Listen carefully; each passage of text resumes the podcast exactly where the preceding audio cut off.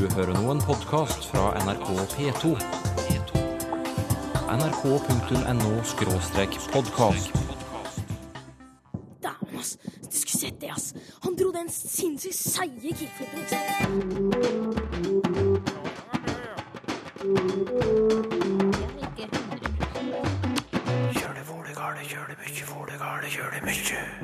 Er mange feller å gå i for amatøroversetteren. Simple på engelsk og simpelt på norsk, det er såkalte falske venner. Eh, roundtrip.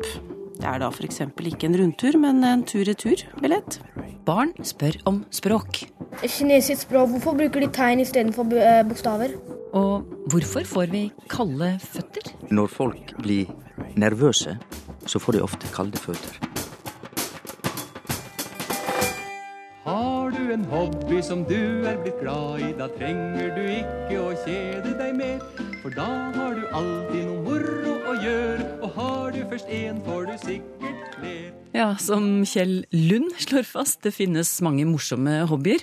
Noen av dem har med språk å gjøre. Og at en språkprofessor har en slik hobby, det er ikke så overraskende.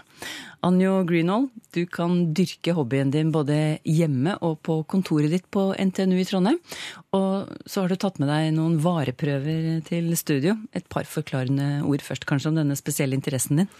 Ja, jeg er jo for det første heldig, da, som kan dyrke hobby både på jobb og hjemme. Og noen samler på frimerker, noen samler på sjeldne blomster. Jeg samler på noe som er blitt ganske så vanlig, egentlig, den siste tida. Og det er direkteoversettelser fra engelsk i norsk dags- og ukepresse.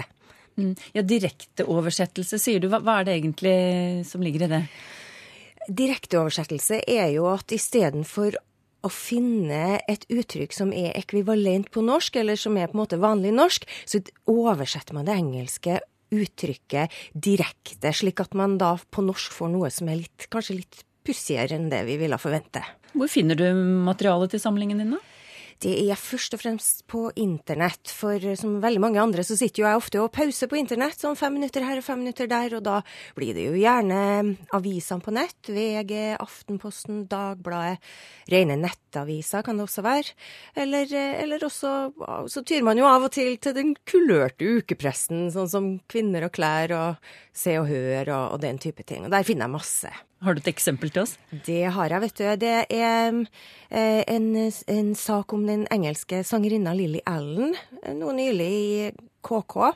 Eh, og saken den ser ut til å være henta fra Splash News, som er en sånn videoserie på YouTube som bidrar med løpende kjendisnyheter. Og, og her er jo materialet på engelsk, og så bruker man det i en sak, og da kan man få eksempler som, som det her. Da siterer jeg 30-åringen, altså Lily Allen vekket oppsikt da hun dukket opp på den røde løperen iført en tettsittende snekkerbukse som avslørte en betydelig slankere ramme enn det hun hadde for ett år siden. Slankere ramme? Det har jeg ikke hørt før, faktisk. Nei. Slimmer frame er jo, er jo en veldig, veldig vanlig uttrykk eh, på engelsk for å beskrive folks kroppsbygning. Men på norsk ville vi kanskje sagt noe sånt som en betydelig slankere figur, eller et eller annet sånt. Ja, men hva er galt med slankere ramme? Er ikke det litt morsomt, da? Jo, det kan man si. Og, og når det gjelder sånne eksempler som det her, hvor, hvor, det ikke blir direkte feil, så kan vi jo si at vi bare utvider språket vårt med, med, et nytt uttrykk som da er litt artig og kreativt. Så her vil jo meningene være delte, om vi skal holde språket vårt rent mm. eh, for sånne ting, ja, fritt for sånne ting, eller om vi skal, om, om vi skal prøve å luke dem ut og holde norsken så norsk som mulig. Mm. Men du, du samler jo på eksempler på direkte feil oversettelse også, har jeg forstått. Ja, ja, fordi at noen ganger så går jo det her bra. Andre ganger så går det ikke fullt så bra, og da regner jeg med du vil ha et eksempel på det. Da gjetta du helt riktig. Nettavisen Trondheim by hadde for en stund siden, det var vel antagelig i oktober i fjor, tips til halloween-kostymer. Og den tekstbiten biten det er snakk om, det er en bildetekst under et bilde som er henta fra YouTube. Og da siterer jeg igjen. Dukken Jigsaw Billy fra Saw-filmene er et godt eksempel på et simpelt og kult kostyme. Hmm. Simpelt. Det ordet har vi jo på norsk òg. Vi har det. Vi har det. Eh, men samtidig så er det jo slik da at simple på engelsk og simpelt på norsk, det er såkalte falske venner. De er, ser ut eh, på overflaten til å være ganske like, men så betyr de jo helt forskjellige ting. Eh, simple på engelsk betyr jo enkelt, slik det er direkte oversatt til her. Mens på norsk så betyr det rett og slett dårlig, elendig. Så da får vi eh, Da betyr jo egentlig det norske her et, et dårlig og kult kostyme, og det er jo ikke helt logisk. Nei, det var kanskje ikke det som var meningen. Nei, jeg tror ikke det. Så når man har det travelt, eh, så, så skjer jo det her ofte. Ja, er det det som er grunnen til at disse bommertene oppstår? At man har det travelt? Eller er det andre ting du Det, det er ofte det at man har det travelt. Eh, Det er også det at kanskje Så er man journalist, man er ikke oversetter. Man, man er seg ikke så bevisst at man oversetter. Og, og det her med at når man oversetter, så, så sitter man jo der med hodet godt forankra i den opprinnelige engelske teksten, og at det er vanskelig å frigjøre seg fra den engelske teksten. At man må faktisk være ganske bevisst for å foreta det grepet. Altså, man ligger der og vaker mellom to språk, og da er det lett at man låner inn noe som man ikke burde ha lånt inn. Så, så, så den manglende bevisstheten og dårlig tid, det kan i alle fall være to grunner. Ja. Nå må vi jo understreke at dette er et fenomen du ikke har forsket på ennå. Jeg vet du har Nei. planer om å se på det Ja. siden, men, men som du har ja. kvalifiserte meninger om som eh, språkforsker. Ja. Hvordan tror du vi lesere blir påvirket av oversettelser som dem du har gitt eksempler på? Jeg tror det at vi, eh, at vi påvirkes eh, av språk vi ser og hører rundt oss. Og når det gjelder det språket som journalister produserer, så er, har det kanskje en enda større påvirkningskraft på oss, da, fordi at journalistspråk eh, det, det skal jo sette en slags standard for oss andre, vanlige dødelige. Eh, og, da, og da kan det jo være at vi, vi også begynner å synes at det er greit å bruke språket på denne måten her. Bare ta engelske uttrykk, oversette dem direkte, og så, og så kjøre på. Ja, Hva gjør det med norsken vår, tror du? At vi ser slike ting stadig vekk? Jeg tror det det allerede har gjort med norsken vår, det er jo at det har forsynt oss med en, en god del ord og uttrykk som, eh, som, som altså, altså, Vi har fått et rikere tilfang på ord og uttrykk som vi kan bruke i språket vårt. Og hvis vi googler de her uttrykkene, så ser vi jo at de har allerede spredd seg, mange av dem. Det er ikke sikkert det er journalister sin feil. Kanskje er det vi normale språkbrukere i noen tilfeller som påvirker journalister også. Hva bør mediehus, nyhetsredaksjoner gjøre da, for å, at det ikke skal bli så mye dårlig språk når man har en engelskspråklig tekst som utgangspunkt for noe man skriver? Hvis de ikke har gjort det fra før, så syns jeg vel absolutt at de bør ansette en oversetter eller to som kan være med på kvalitetssikre tekstene eh, når det gjelder akkurat det her aspektet. Mente språkprofessor Anjo Greenhall ved NTNU, der hun forsker på nettopp oversettelse og engelsk. Norsk Telegrambyrå, NTB, leverer nyhetsmeldinger og artikler til nesten alle norske medier. Og Det betyr at tekstene som NTB-journalistene skriver, når ut til de fleste av oss. I en eller annen form. Og oversetterflausene finnes hos dem også, forteller vaktsjef Anna Nesje. Du kan jo si at vi er jo fullstendig klar over at eh, vi også har våre svin på skogen når det gjelder eh, oversettertabber og, og det å kunne håndtere uttrykk på andre språk og, og få det riktig over på norsk. Sånn har det jo alltid vært, og vi, vi jobber jo med det hele tida. Men er det flere feil nå enn tidligere?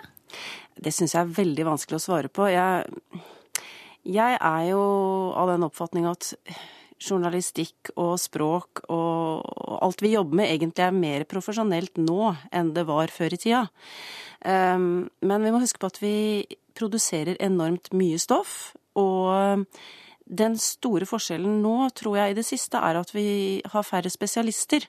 For vi blir jo færre folk, og da er det færre som jobber bare med ett stoffområde. Så, sånn som i NTB, så hadde vi før folk som bare jobba med utenriks. Og det er klart, de var mer eksperter på, på språk. Um, så det er kanskje det området vi må gjøre noe med, at vi må, vi må være enda bedre i opplæringen av nye folk, og også folk som nå utvider arbeidsområdet sitt, da. Og ikke bare jobbe innenriks, men jobbe både utenriks og innenriks, og kanskje sport og ja. Alle alle redaksjoner burde ha profesjonelle oversettere, mente Anjo Greenhold. Eh, Ja, altså hvis man skal gjøre reine oversettelser, så er jeg jo enig i at man bør bruke proffe oversettere. Men da tror jeg det er mer aktuelt å leie inn folk, sånn som f.eks. Aftenposten gjør. Fordi de leier jo inn folk når det skal oversettes hele artikler fra et annet språk. Men det er jo ikke sånn vi jobber. Vi, vi sitter ikke og oversetter meldinger fra Reuters og AP. Vi, vi jobber med dem journalistisk. Og det betyr at vi, vi, plukker ut det vi vil ha, og så skriver vi det om på norsk. Og det betyr at vi er jo ikke så bundet av teksten som en oversetter er. Vi kan f.eks. ta noen snarveier. Ja, hva kan det være? Ja, f.eks.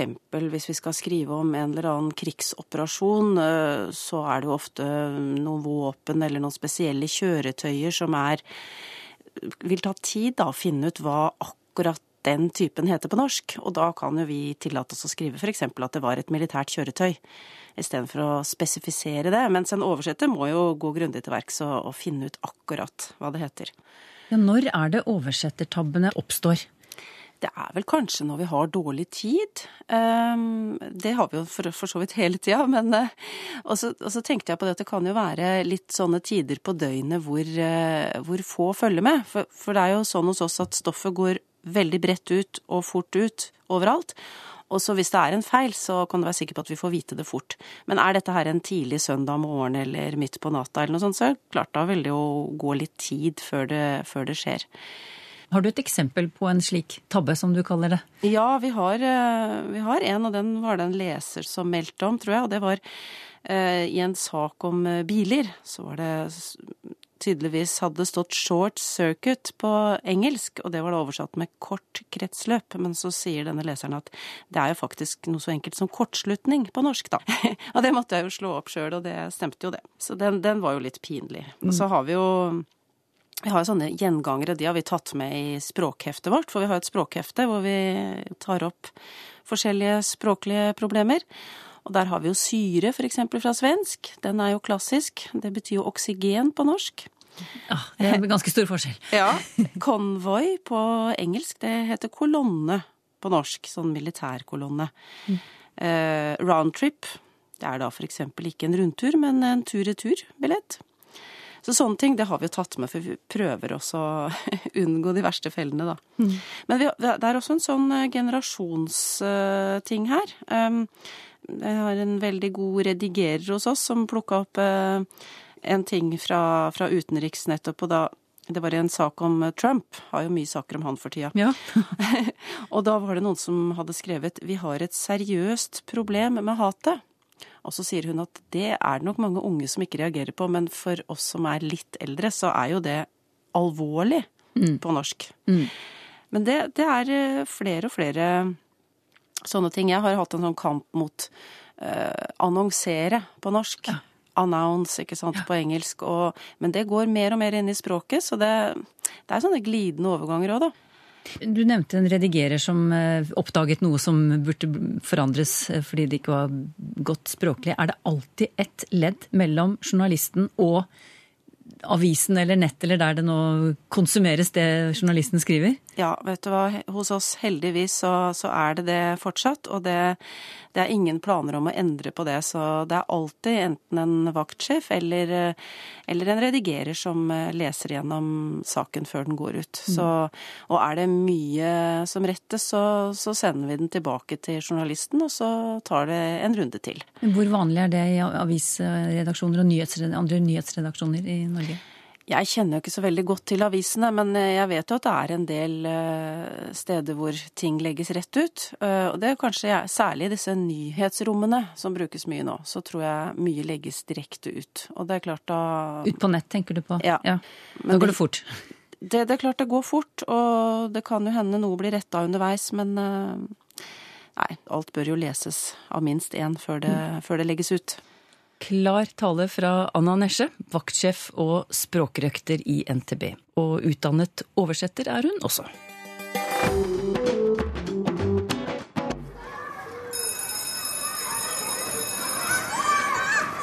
Det ringer inn på Val skole på Grønland i Oslo. Her har Språkteigen vært før i vinter, og nå skal vi hit igjen på en liten snarvisitt. For barna i klasse 5A hadde jo så veldig mange spørsmål om språk. I klasserommet flokker de seg rundt språkforsker Pål Eriksen og gir ham papirlapper med spørsmål. Her var det mye moro. Veldig mange morsomme spørsmål. Jeg vet ikke helt hvilke vi skal begynne med. I dag er det Abdikani, Liban og Mohammed Noor som får svar. Skal vi se, Det er om kinesisk kan jeg jo ta. Hvordan går det an å lære å lese kinesisk når de har over 8000 8 millioner tegn? Ja. I kinesiske ordbøker så finnes det nokså mange som 80 000 tegn. Men du trenger ikke å kunne alle 80 000 tegnene for å eh, skrive og lese kinesisk. I det daglige liv så trenger man ikke kunne mer enn 3000 eller 4000 tegn. 3000-4000 tegn er mye, det òg, men det er min, mye mindre enn 80 000. For mange av de 80 000 tegnene det er tegn som ingen på kinesisk bruker lenger. Som man kanskje brukte i gamle dager, eller som man bruker veldig, veldig, veldig sjeldent. Men altså for at du skal kunne lese en vanlig avis på kinesisk, så trenger du, trenger du kunne sånn 2000, 3000, 4000 eh, skrifttegn. Så i skolene i Japan, for japanerne, de bruker også kinesisk skrifttegn. Eh, der lærer skolebarna litt over 2000 tegn i løpet av skoletida. Det er mye, det også, men det er ikke 80 000. Men hvordan går det an å lære det? Der er det veldig mye pugging. Der bruker de veldig mye tid på å lære seg å tegne og skrive de enkelte tegnene, og pugge hvordan de ser ut. Så det er et veldig hardt arbeid, og det er veldig mye pugging. 2000 tegn skal en japansk, litt, litt over 2000 tegn skal en japansk skoleelev lære seg i løpet av skolegangen. Og det samme tenker de gjør i Kina også, da.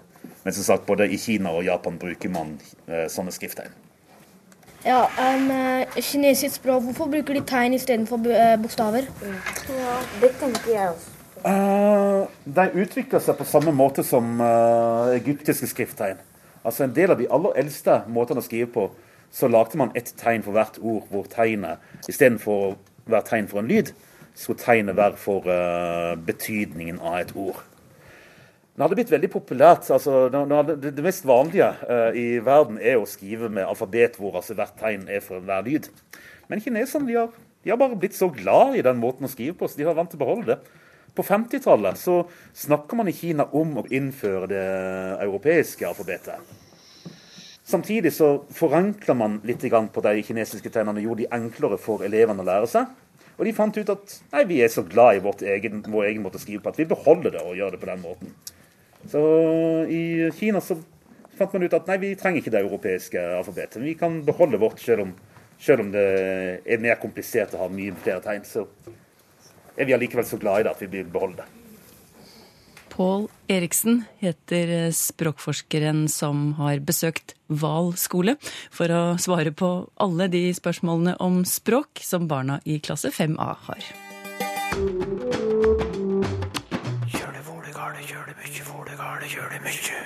Lytterne spør også om språk, på Facebook f.eks. Der lurer Anne Mette Bekken på hvor uttrykket 'å få kalde føtter' kommer fra. Hva sier du, Sylfes Lomheim? Det kjem i alle fall ikke fra norsk. Det er heller ikke skandinavisk. Det er rett og slett et internasjonalt uttrykk. På engelsk heter det 'to get cold feet', å få kalde føtter. Og det er ikke så rart at dette er internasjonalt, fordi Menneskekroppen er jo ganske internasjonal, ikke sant? Den, mm, den er jo stort sett lik. Og når folk blir nervøse, så får de ofte kalde føtter.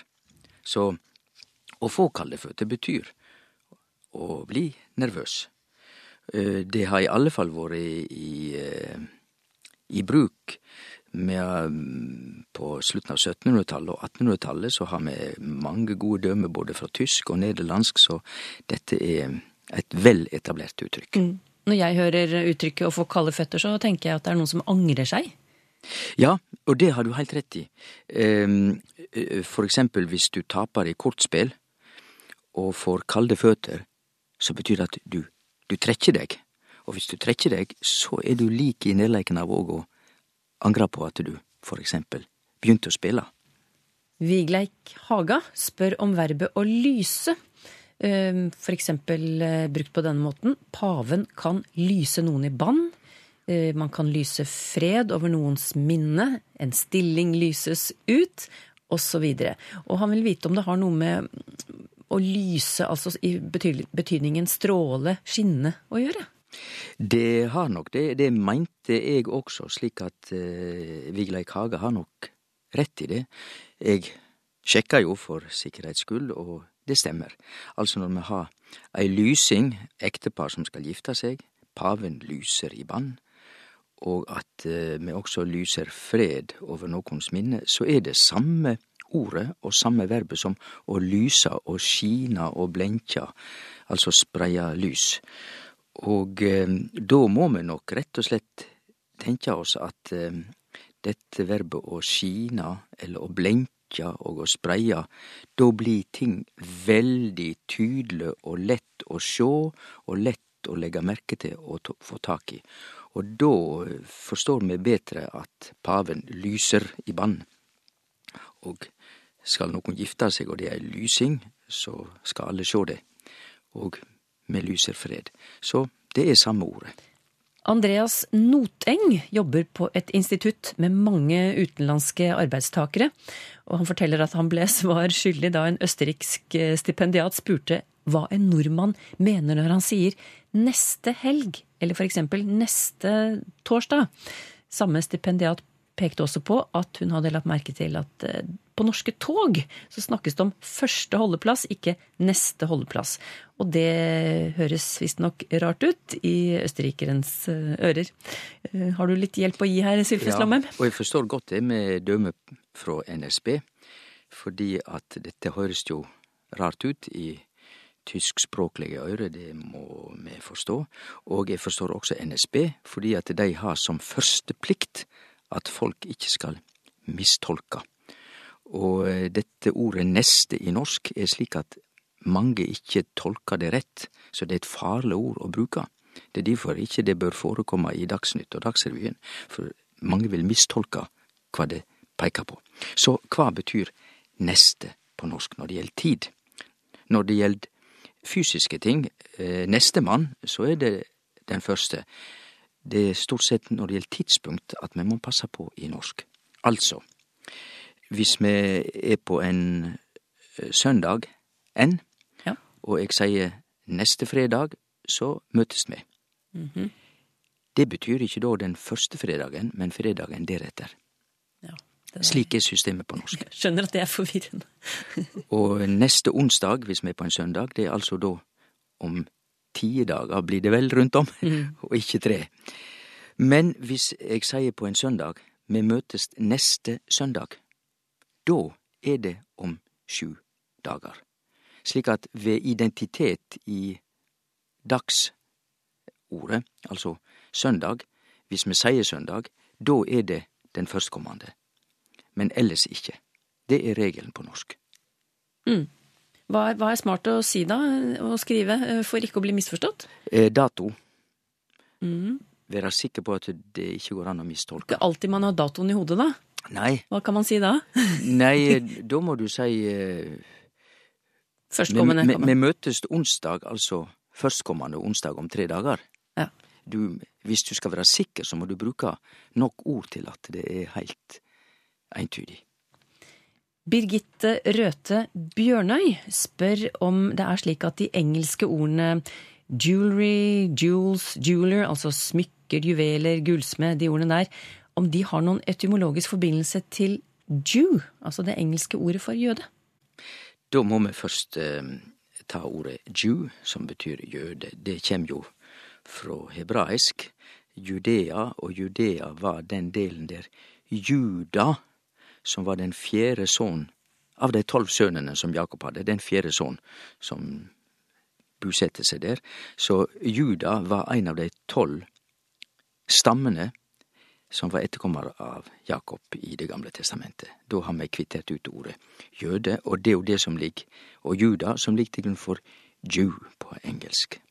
Så er det spørsmål jewelry, og eh, de tre første bokstavene er jo identiske. Det er J, E og W. Jew, jewelry. Men der forteller ordbøkene at dette har kommet til engelsk fra fransk, eh, sannsynligvis, eh, Joel, og det kan òg være i slekt med det latinske ordet jokus, eh, som betyr spel. Eh, tenk på ordet joker, som eh, er et trumfkort i spel. Så i alle fall, sikkert eller usikkert når det gjelder opphav til jewelry, så er det nok eh, opplysninger til å slå fast at det ikke er noe historisk, etymologisk samband mellom Jew og jewelry. Iris Elisa Toresdottir reagerer på at man eh, skriver at boka utkom i 2013 istedenfor boka kom ut i eh, 2013. Hun synes utkom høres unaturlig ut, og så lurer på om det er en, noen bestemt grunn til at det brukes slik?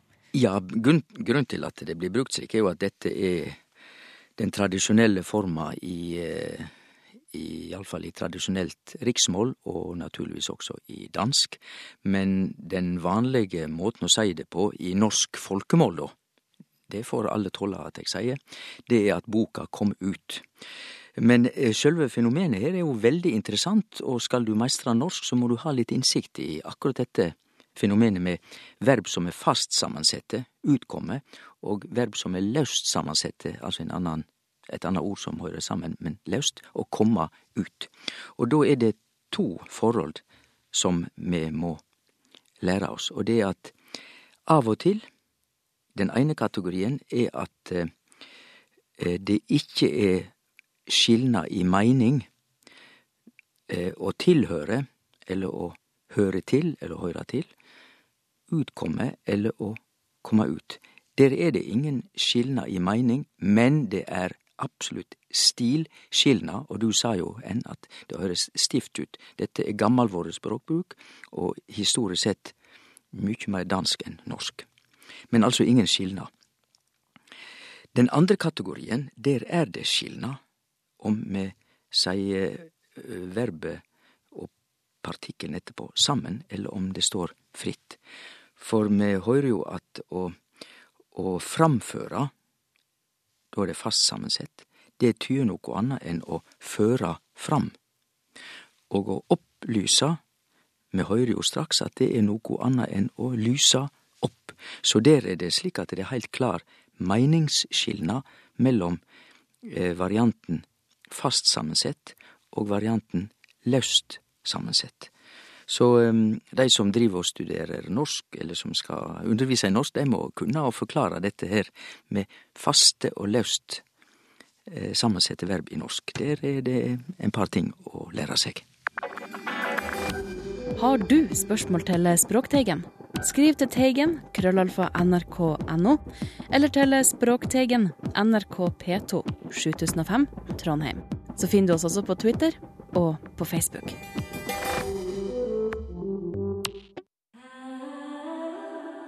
nrk.no podkast.